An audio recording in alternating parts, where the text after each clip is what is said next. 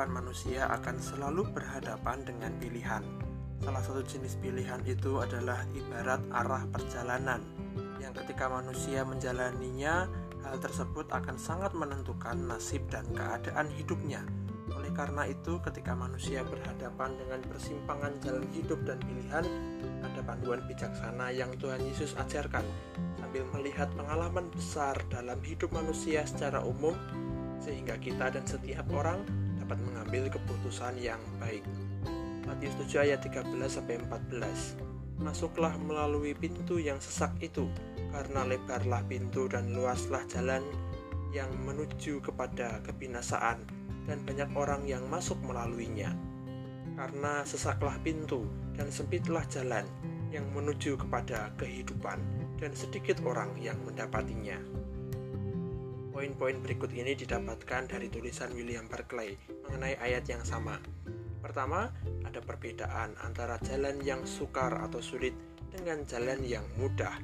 Hasil yang baik dan benar memerlukan proses yang mengharuskan orang untuk belajar dan menguasainya dengan kerja keras. Hal ini sering dinilai sukar dan sulit.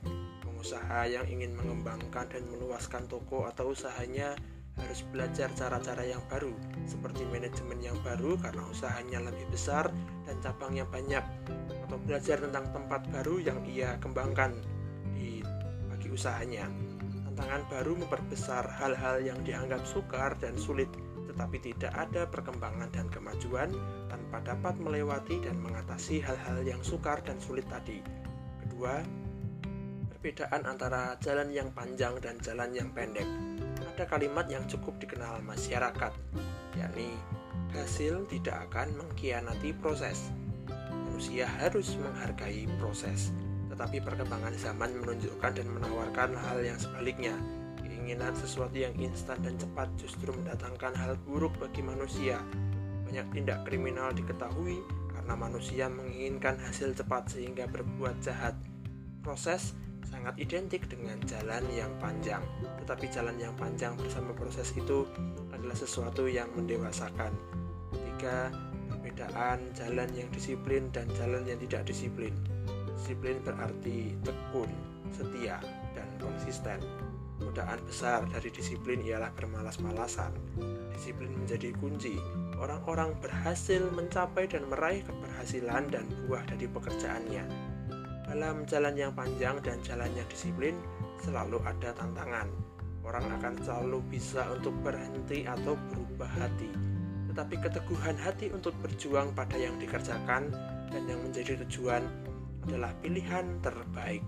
Keempat, perbedaan dari jalan yang dipikirkan matang-matang dan yang asal-asalan. Pertimbangan adalah bagian dari kunci hikmat.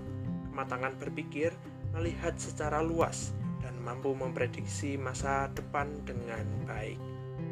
Yang Tuhan Yesus ajarkan selain bermakna usaha dan perjuangan dalam kesulitan, proses, disiplin, dan perjalanan yang panjang dalam empat poin tadi juga berbicara hal yang sama dalam mengikut Kristus.